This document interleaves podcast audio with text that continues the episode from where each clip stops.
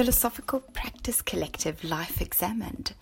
I'm Joshua Bronson, Matthew Nowacek, our newest collaborator Christopher Lindgren, who otherwise runs Ung Philosophy, um, philosophy with folks under 30 or thereabouts, and me, Miriam van der Valk. We like to host Socratic panel talks at Göteborgs litteraturhus. For our 16th panel talk, which was shrewdly converted into the ninth episode of this podcast series, we had the pleasure of sharing the stage with psychologist Rasmus Rippegård and an international, I think at least five nationalities, committed, talkative, and utterly, totally awesome audience, so willing to participate, to share, to think together, and to speak English. How lucky we are. Find out more about Life Examined on Facebook or Meetup. Type in Life Examined Sweden. We do live interactive philosophy. Joshua talks in the beginning in English, and then I say some things in Swedish, and then we move over completely to English.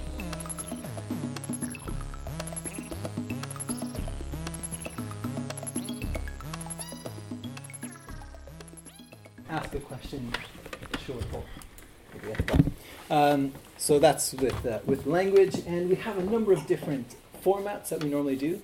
Tonight we're doing what's called a Socratic panel discussion.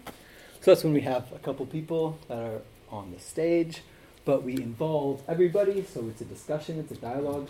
And it's Socratic, which means that we start with a question about something that we're curious about. Tonight we're talking about somatic uh, philosophy. We'll talk a little bit more about what that is in a second. And then we ask questions that look to get deeper underneath what that thing means. So that's a Socratic dialogue. So we ask general questions, we check and see what each other is thinking, and we try to get from a general, uh, a specific idea to a general truth. So that's the way a Socratic panel works. But we have a number of other different kinds of formats, like uh, sometimes we have an interactive lecture, which is where one person goes a little bit more in depth about one particular thing and we have some other formats as well. And recently we're expanding, we're working on expanding into the world of YouTube. So we're going to start a YouTube channel, so you should check it out and follow us, of course, right? Um, so we've got a number of different ideas about different ways we might expand and try and bring philosophy outside of the university and into everyday life in new ways. Hmm. Yeah. Precis, men då, ska jag, då pratar jag på svenska då. På. Mm. Um, ja, vi, vi, det här är då filosofisk praxis som vi håller på med och det är filosofi utanför universitetet och då menar vi filosofi till exempel i skolan eh, eller inom vården eller på arbetsplatsen. Så, eh, så vår vision är ju att är liksom ett Sverige eller ett Europa, ett världen där folk ser det som en helt naturlig del av sin vardag att man filosoferar och att man övar sig på att bli bättre på att filosofera. Så man tänker sig så här, ja nu, nu har det, jag fastnat lite i mitt liv, det bara snurrar i huvudet, vad ska jag göra? Jag måste filosofera lite bättre. Jag måste ringa filosofen. Vi tänker oss en värld där, där folk bara gör det på ett vanligt sätt. Och vi, ja, ring, och, och vi ringer såklart ja. varandra. Ja, det är super. när, vi, när vi själva har problem så ringer ja, vi varandra. Då ringer vi varandra. Ja, That's not entirely untrue. Nej, det är inte alls osant. Mm. Um, uh, ja, och när man har liksom, om man har, jag, jag, tänker också, jag läste precis en artikel om uh, Sketches Community Vision. Cancel, okay. Um, en artikel om en arbetsplats där de hade haft workshops, filosofiska workshops om hyfs och hövlighet. Vad är det? Vad är hyfs och hövlighet? För det är ju sådana här regler som varje arbetsplats kan liksom sätta upp vad man får göra och inte göra, vad man ska säga. Och plötsligt så är det någon som gör någonting som är olagligt. Så har man, inte, har man aldrig pratat om detta. Vad är det på engelska? Hyfs och hövlighet? Uh, like, um, good manners, manners. good, good, good behavior, like ah. what's a polite way yeah. to approach someone else. Okay. Yeah. Det är väl nytt ord, nytt ord för ikväll. Ja, hyfs. Det behöver hyfs. It's like an old, old word. Uh, Mind your manners. Ja. Mm. Så det, det känns ju väldigt roligt. Mm. När jag läste den här artikeln så tänkte jag bara, det vill jag göra på. Så om ni jobbar på ett sånt ställe där man behöver detta så bara hör av er så fixar vi någonting skräddarsytt för er arbetsplats. Jag har en väninna som startade en förening i det. Ja. för höviskhetens bevarande. Åh, Ja, det låter fint. underbart! Hon kan komma och föreläsa. Ja, det skulle Ja. Ja, väldigt bra. Är det specifikt eh, hövlighet du är intresserad av att hålla workshops i då? På arbetsplatser? Eller det... Ja. Eller, Eller eller, det- In, inte så att jag ska, och det här är ju grejen med filosofi då, då är det ju inte att man ska ringa filosofen och fråga hur man egentligen gör. Utan då gäller det, precis som i skolan, the point isn't to teach children what philosophers said what, in what book, in what year, but to make the children philosophers. Det är det som är poängen. Och samma på arbetsplatsen, att man ska själv börja känna vad ska jag göra med den här när jag har fastnat? Jo, jag kan tänka mig loss på det här sättet och så vidare. Jag kan prata om detta väldigt länge. Som jag, det är vår vision och vi, vår mission är ju att vara, vi, vi som Life Examined, är ju att vara en slags plats eh, eh där man kan få utlopp för detta. Att vi ska eh, vara en plats där man liksom slår på den här Homo philosophicus-genen som vi är övertygade om att de allra flesta har. Ja, och vi är då, här, Rasmus är vår gäst idag, han är psykolog. Resten av oss här är eh, utbildade, universitetsutbildade filosofer. Här har vi Kristoffer, vårt nya tillskott. Vår, eh, Kristoffer startade Ung Filosof. Mm. Mm. Det är 2012 tror jag. Ja, precis, så det har hållit på ett tag. Mm. Du brukar hålla till i rummet bredvid här i frilagret Ja. varannan tisdag. är du fortfarande ung? Eh, mm, det är en definitionsfråga. Eh, Det är det första ni pratar om varje gång. Nej, jag skojar bara. Känner ni ung? Ja. Du brukar, du brukar säga upp till 30 men att man får välja lite själv hur man känner sig. Exakt. Ja. Så om ni vet några som, som känner sig under 30 så välkomna att filosofera Ja. i frilagret. Ja. Och så har vi Matthew som är från USA och bor i Lund och Ja. pratar svenska med lundadialekt. Har aldrig varit med om någonting liknande. Småländska kanske Ja. det. Och så har vi Joshua och jag heter Miriam. Är det någonting som, vi, som jag har missat? Nej. Nej? Det är allt som finns att säga om oss. Ja, precis. Precis. Ja. Men vi måste börja någon gång också. Jag ska hålla tiden. När, om Uh, maybe you should describe what you do with this. Ja, ja. Jag, eh, jag antecknar här då med olika färger, det som är viktigt. Ibland är det lite svårt att avläsa min handstil, men det är för att det är svårt att skriva med en sån här penna på. Och jag eh, skriver ut det senare. Men man får leva med det bara. Så, dagens fråga är det här då. I think, I think you should start. Ja. Hehe. eh, Give a short description of what, Uh, what you mean by somatic philosophy, and then we can start talking about is there anyone who doesn't speak any Swedish whatsoever? Mm-hmm. Yes. Here. Yes. So we, um, so the idea with somatic philosophy is that um, you have the the philosopher who's like this person sits like this. You everyone's seen that statue by Yeah, the thinker, was. right? Yeah, the thinker. Uh, and who can, or you could, you sit like Descartes. You sit in your armchair, your arm, armchair philosophy, and you can understand the whole world from your room and your chair. And it just can't be the case. It's just impossible that that's how it works. The body has to mean something. It has to do something. It has to be something. And if I do like this, I see that I both am my body and I have my body. So which one is it? And and uh, if so, so that's somatic. Somatic is of the body and bodily, whatever. And philosophy means uh, love of wisdom. So looking for wisdom. And um, can you even put those two words together? Somatic philosophy. Can you say you're looking for wisdom with the body?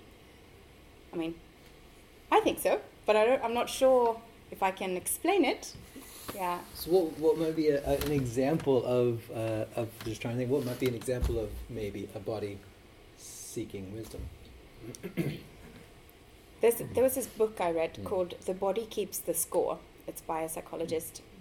um, and it it's about how like the body keeps uh, mem- memories of trauma Mm. and how you need to Oh. yeah and how to get out of uh, that the body needs to get out of the trauma is not just an intellectual understanding of, Okay. Right. of what has happened Mhm. so you need the words but you need something else too Yeah. So this is this something is physical, another in other words, something yeah in the something body. something in the body, Yeah. some a movement thing. Like a, Mhm. uh, I I was recently at this very interesting therapy thing called tapping, where I was lying like this and talking on a bench thing, and the therapist was tapping me like this.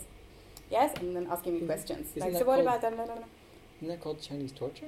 No, no, I remember it's water torture. That's water torture. Sorry. No, it was called Supposed to be rather pleasant.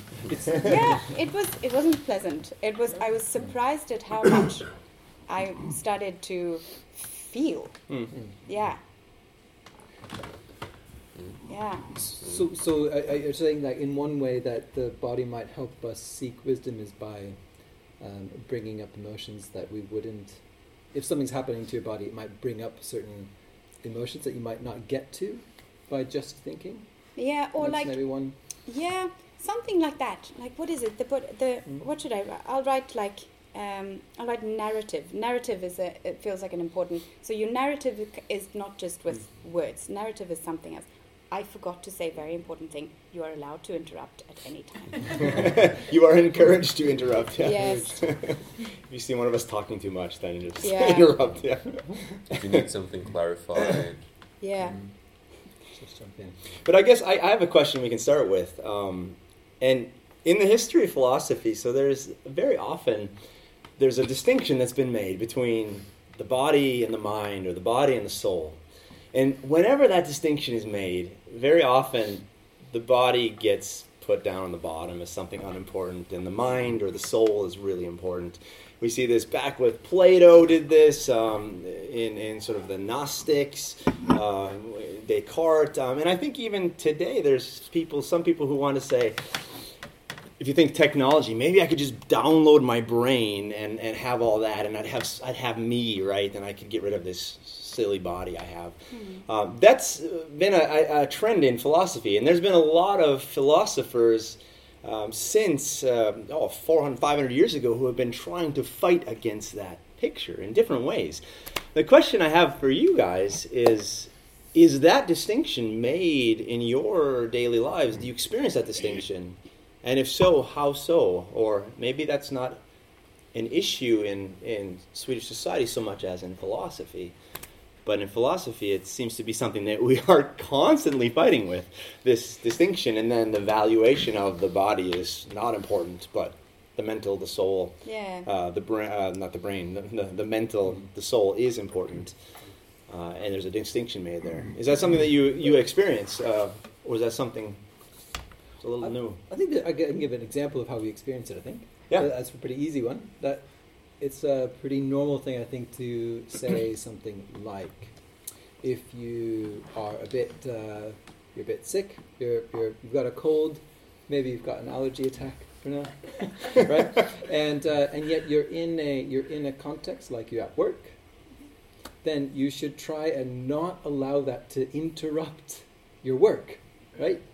You should push it down. You should you should relegate that to you should push down your your feelings in your body in order to continue with your mental work. I mean, and that's that's a normal thing, I think, right? Mm.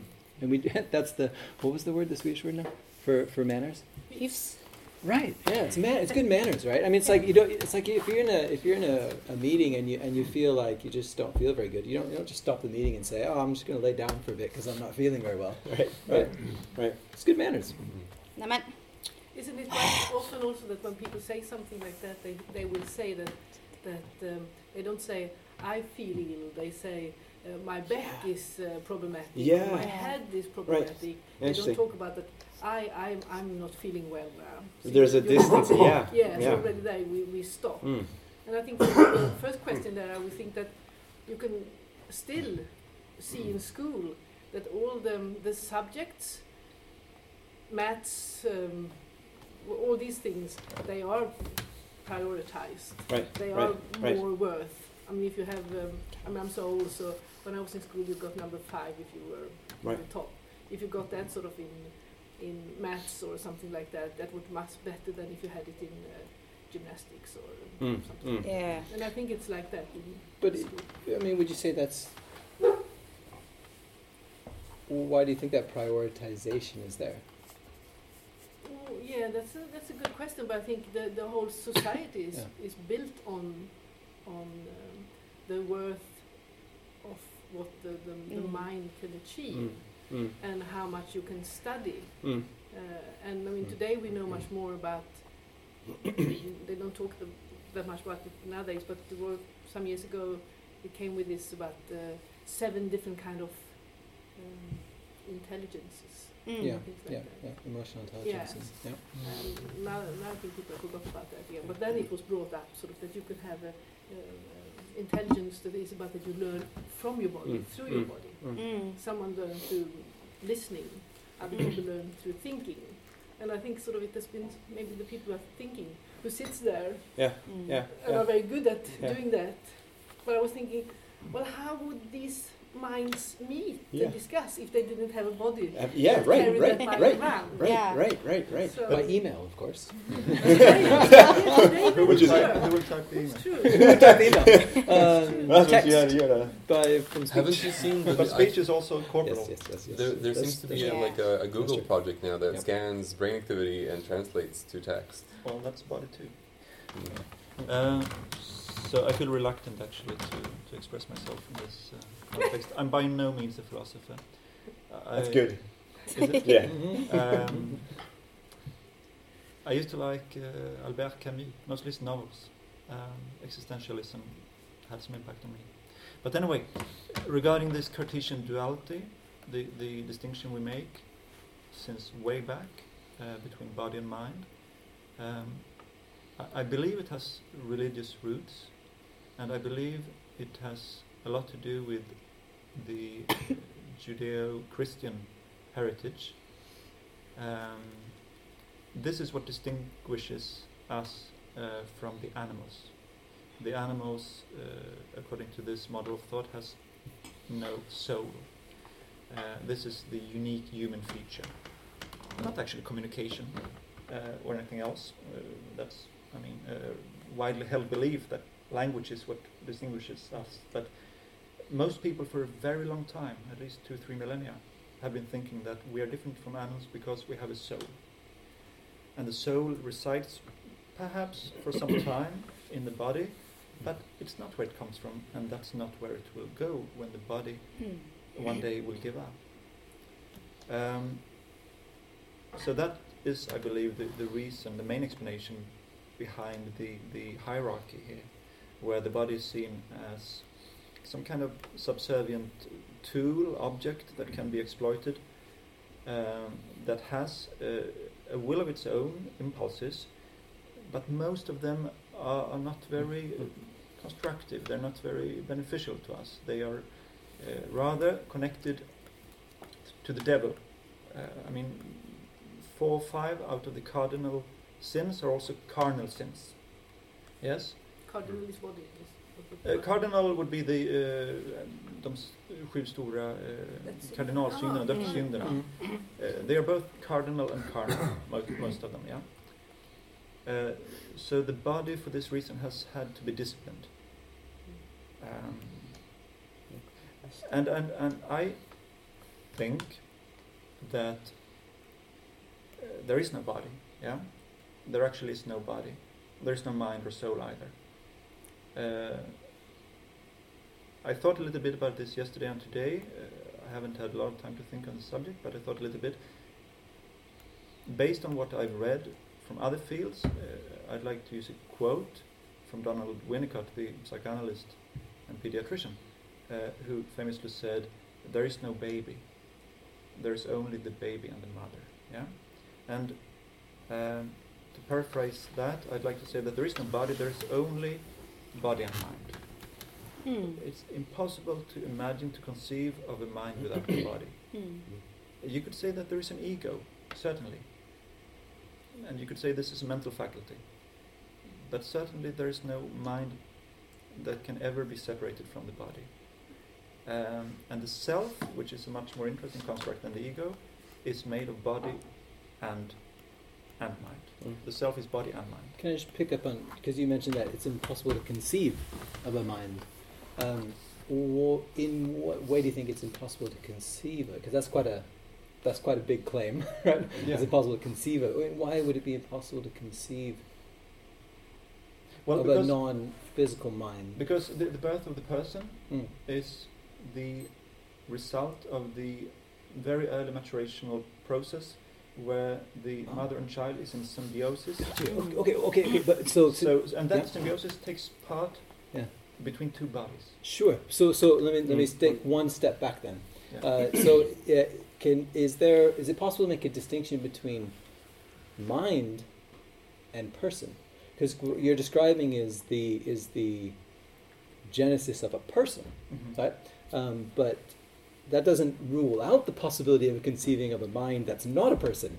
Right? So, so I'm thinking. uh, What I'm thinking about here is that um, there are plenty of people who want to say something like uh, that um, certain artificial intelligences might become conscious. I'm not sure what that means, but what at least they're trying to point at is that there is something that would be mental, but it's not a person.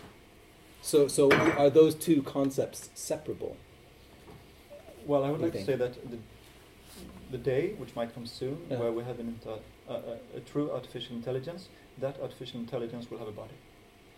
So, so you think it's, so you think it's a, necess- a necessary connection? It will have a substitute for a body, and, and it might be made uh, out of you know chips and, Mm. but it doesn't matter. It will still have a body. But I, I, I'm so Sorry, Carol, and I think that that that um, I mean that's quite an interesting uh, concept. This whole um, artificial intelligence being uh, being sort of soul-like or being the being a real soul or mimicking at least the human soul. And while it does have a body, it's not limited by the body. It could be uploaded to any platform, so it is floating. But each of us, we are limited to the body we're in, and then our soul if we make that distinction, is totally limited to this body, and if this body dies, that soul dies. And that's very different with this concept of the artificial intelligence. That's why people are so fascinated by it, because it is something, while it will have a platform, a physical platform on which it is coded, that fuzz- platform can change. So you can go from one server to the next server, so it can actually reach true eternity. Mm-hmm. Can I So can I it's give the the name the name for that? So in, in philosophy of mind, they talk about it's called multi-realizability. So if you if you think of the mind in terms of a function, maybe this will get a little bit too technical, but if you think of the mind in terms of a function, that there's a that there's a certain function that goes on, um, like a mathematical function.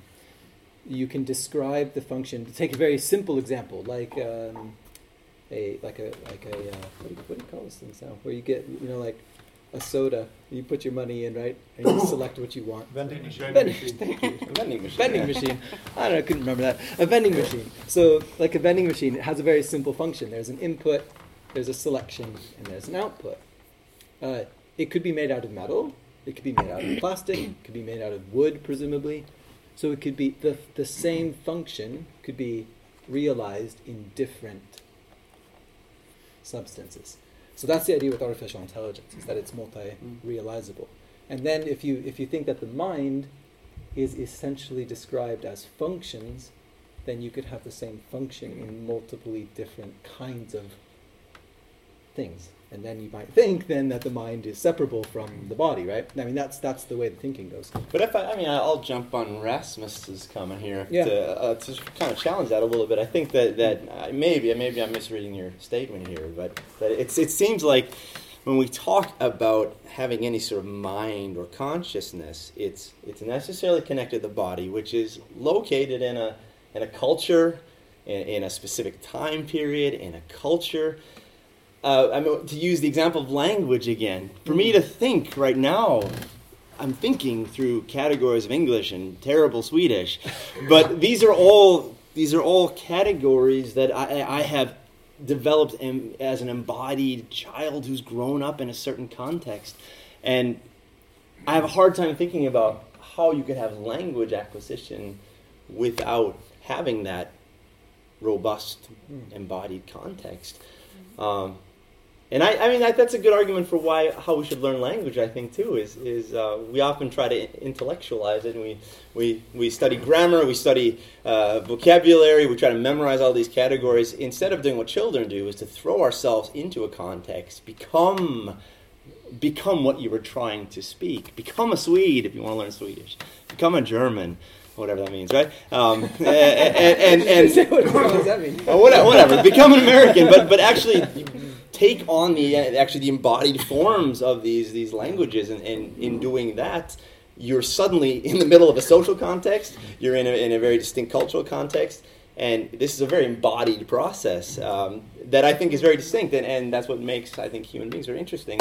Is that we we are um, we are already find ourselves in these thick contexts in which we then are thinking, but we're thinking as bodies So in these throwing contexts. yourself into a context like this, like we do, Yeah. can Mm. also be an example of that. Exactly right, right. I was thinking, no, we Mm. are in different contexts all the time. I mean, and that is also uh, creating uh, our um, uppfattningar. uh, Yeah. And uh, Understandings or, uh, uh, about uh, yeah. things. Like, for example, if you're practicing yoga, for example, then you it's no different um, words to talk about body and soul are together and the Mm. body is collecting all the traumas that right. you're having, Mm. especially in your hips. Yeah, yeah, Yeah. yeah. You do certain things, then it Yeah. goes out. You know. Right, Yeah. right, right.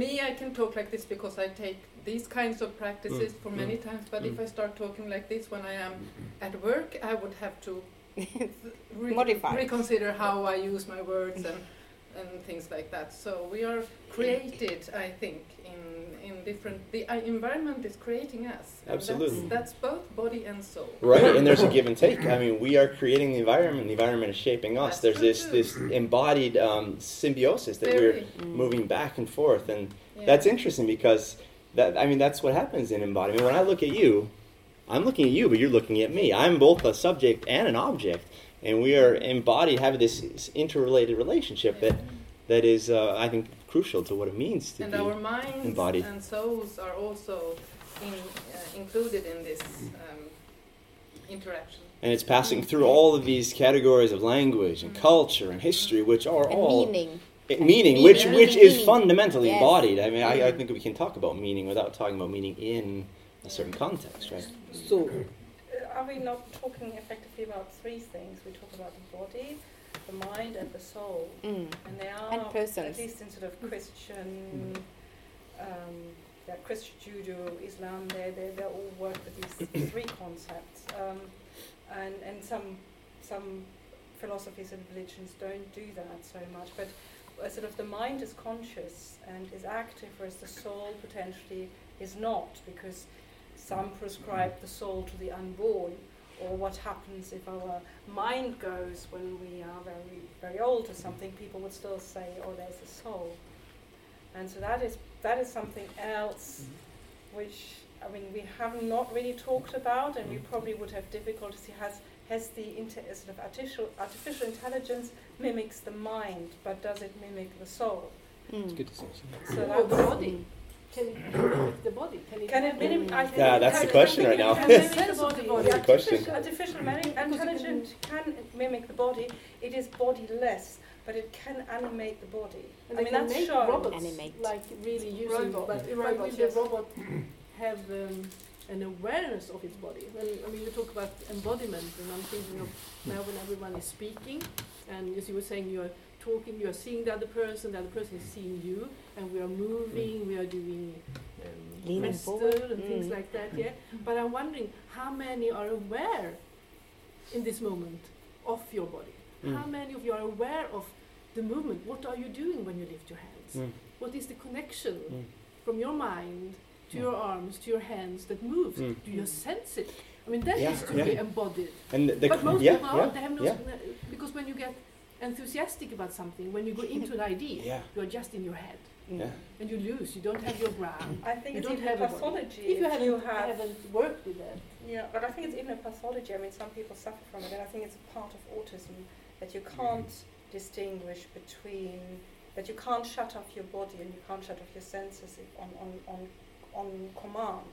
So basically, you are linked into all the signals which come to you. So it's but you can essentially be it is part unaware of of it. yeah, you, you can't shut off your your awareness. It is always there. The noise is always there. The, the touching is always there. I mean, people very often find it hard to wear certain clothing because Oh, yes, it yes, affects them so yes, much. yeah.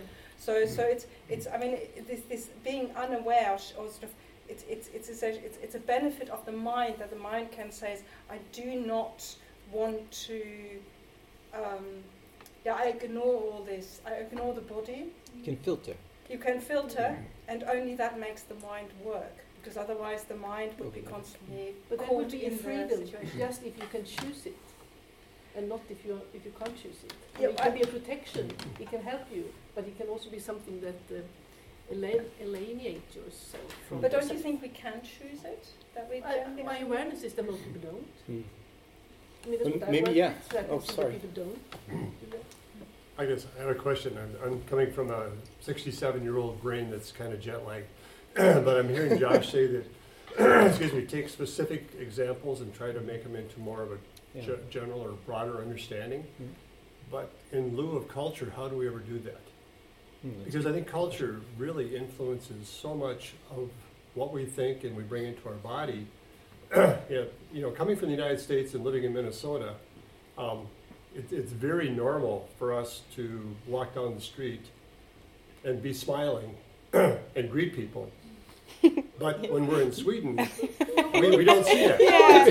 So how, how, how does how does that general feeling get That's so good. translated over to the entire population? Well, that's. I think that's why when you come to Sweden, you're so tired. I mean, cul- culture shock is is is is in part a, a- an embodied phenomenon that you are you are disconnecting with the.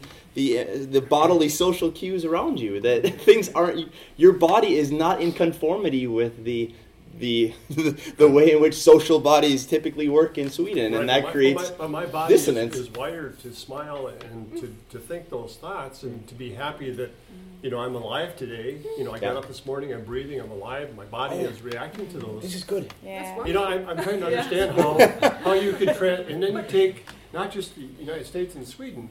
But all the other cultures of the world, how do we transcend that and bring that into one general understanding So of it's- mind, body, and soul? That's Maybe good because these, these kind of these kind of connect. Absolutely. We, might connect them. But there Absolutely are connected. cultures represented here, and we're still managing to have a conversation. Yeah, that's true. We have We're not several dancing yet. different What did you say? Meet each We're not dancing yet. We're not dancing yet, not yet, but we will soon. What's that? In the countryside, at least when I was a child, and people did sort of when they meet each other. So maybe it's when it's too many people that you don't see them and don't dare to, but sort of when it's not that many, you kind of say hello.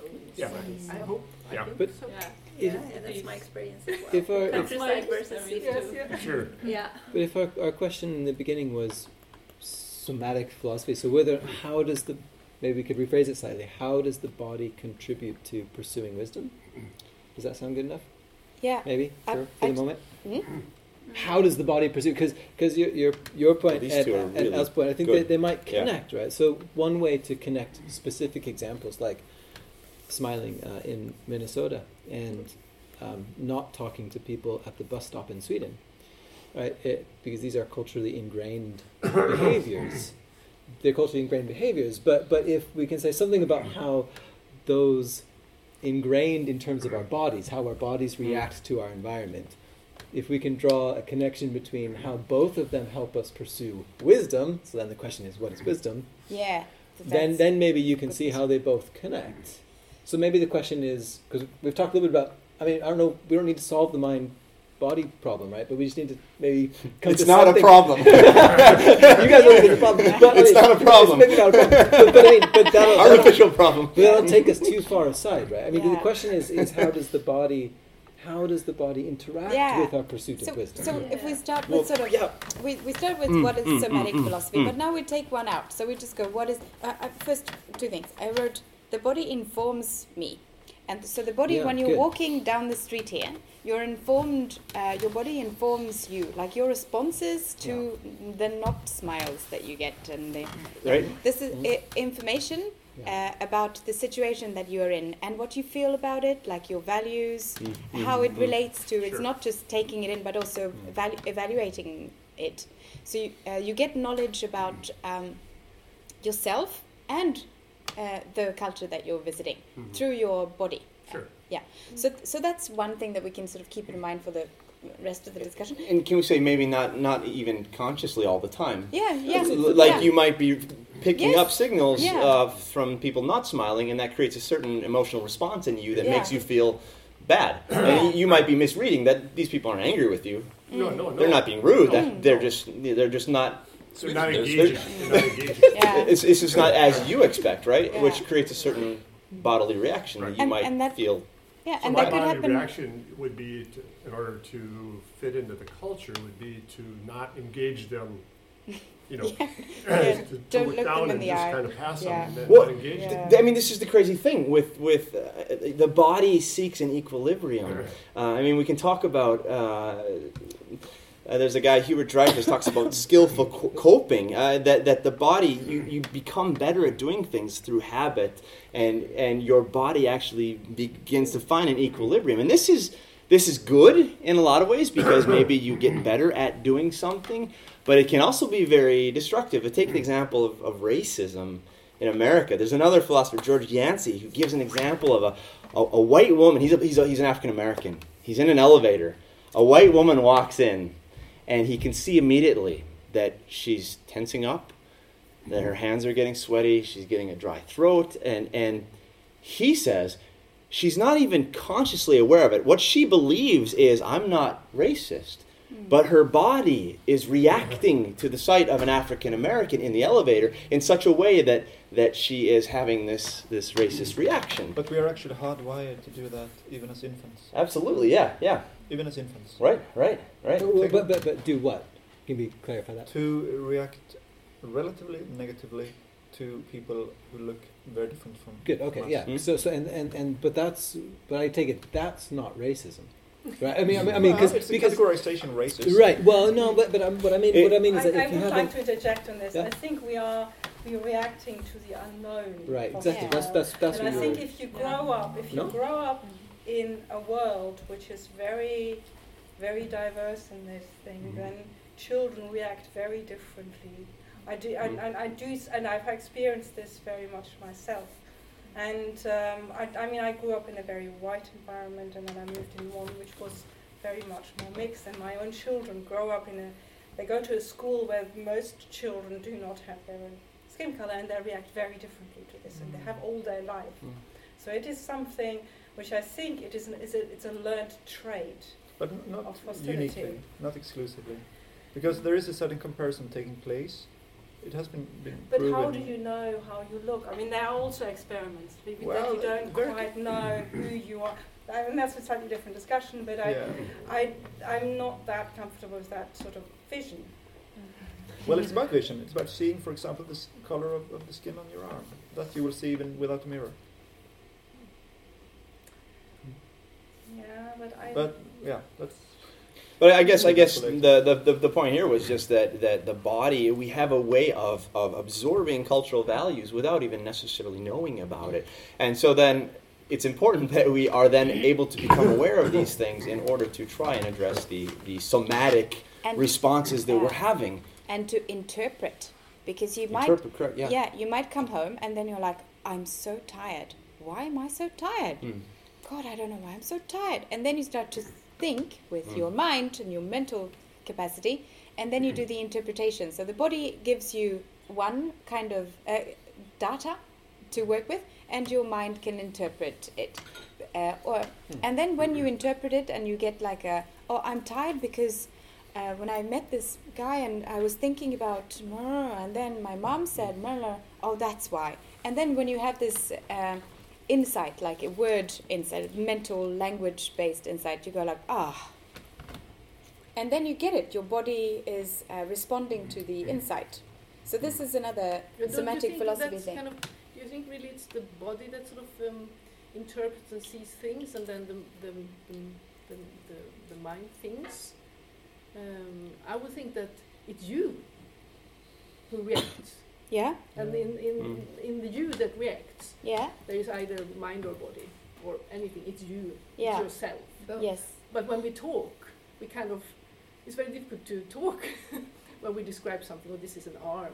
Yeah. I mean, it is an arm, and, and we have said that the arm is on the on the body, and in that body, on top of it is the head, and the head is, is the brain, and the brain thinks. But it's like, yeah, it's all, it's all me. But I mean, of course, it, it's the it's you who Yeah. see, reacts, and interprets. Yeah. So you can't you can't really say what you're saying, but we have to say that when we talk. But that is Yeah. the that we make that distinction, Yeah. that we separate ourselves from ourselves. This That is- is the main Mm. problem. Yeah, that, that is, And- I and think you're onto something. Maybe the philosophers Yeah, did, yeah, who, yeah, who sort of put the head in the Yeah. hand and didn't understand yeah. Yeah. Maybe this is the, the core the, of the, the stuff the, here. The, the Mm. hand could do because without your body, you. It, I mean, today you can do a lot because we Mm. have developed Mm. so, so people who have. Um, um, I have a friend who has ALS, uh, and I mean, had that been maybe 50 years ago, she would have been shut into herself. Yeah. Mm. Yeah. But I think a few years ago she even gave the, a talk. She can't talk, she can't move, but she can use an eye to, Mm. to write on Mm. a computer. So it, that has changed. The body doesn't work, but Right. she is with, without the body working. She still wouldn't be able to to think. And I think your point is really good to connect to what Rasmus said. I think Yeah. there are certain religious traditions that will try to take away responsibility by saying that was the, the evil body, but the Mm. true me, which is this, this disembodied part, Mm. is, is, is still pure. Uh, but I mean, if we go even one step back, I mean, even to Plato, even way back, uh, you know, 400 years BC, I mean, there's, there's a sort of fear of change and ambiguity. Uh, I, I think underlying this, there, there's a, an idea that the valuable, the good, is something that is unchanging, is eternal, is perfect. And as soon as you get into this world, things get messy, things get ambiguous. When you talk about the body, the body is constantly transforming and changing uh, and ambiguous. And there's a sense of alterity there. And I think that's. Um. Is all philosophy somatic? That's that's the end of part one of this one hour twenty minute talk that's simply been cut in half. Part two is waiting for you.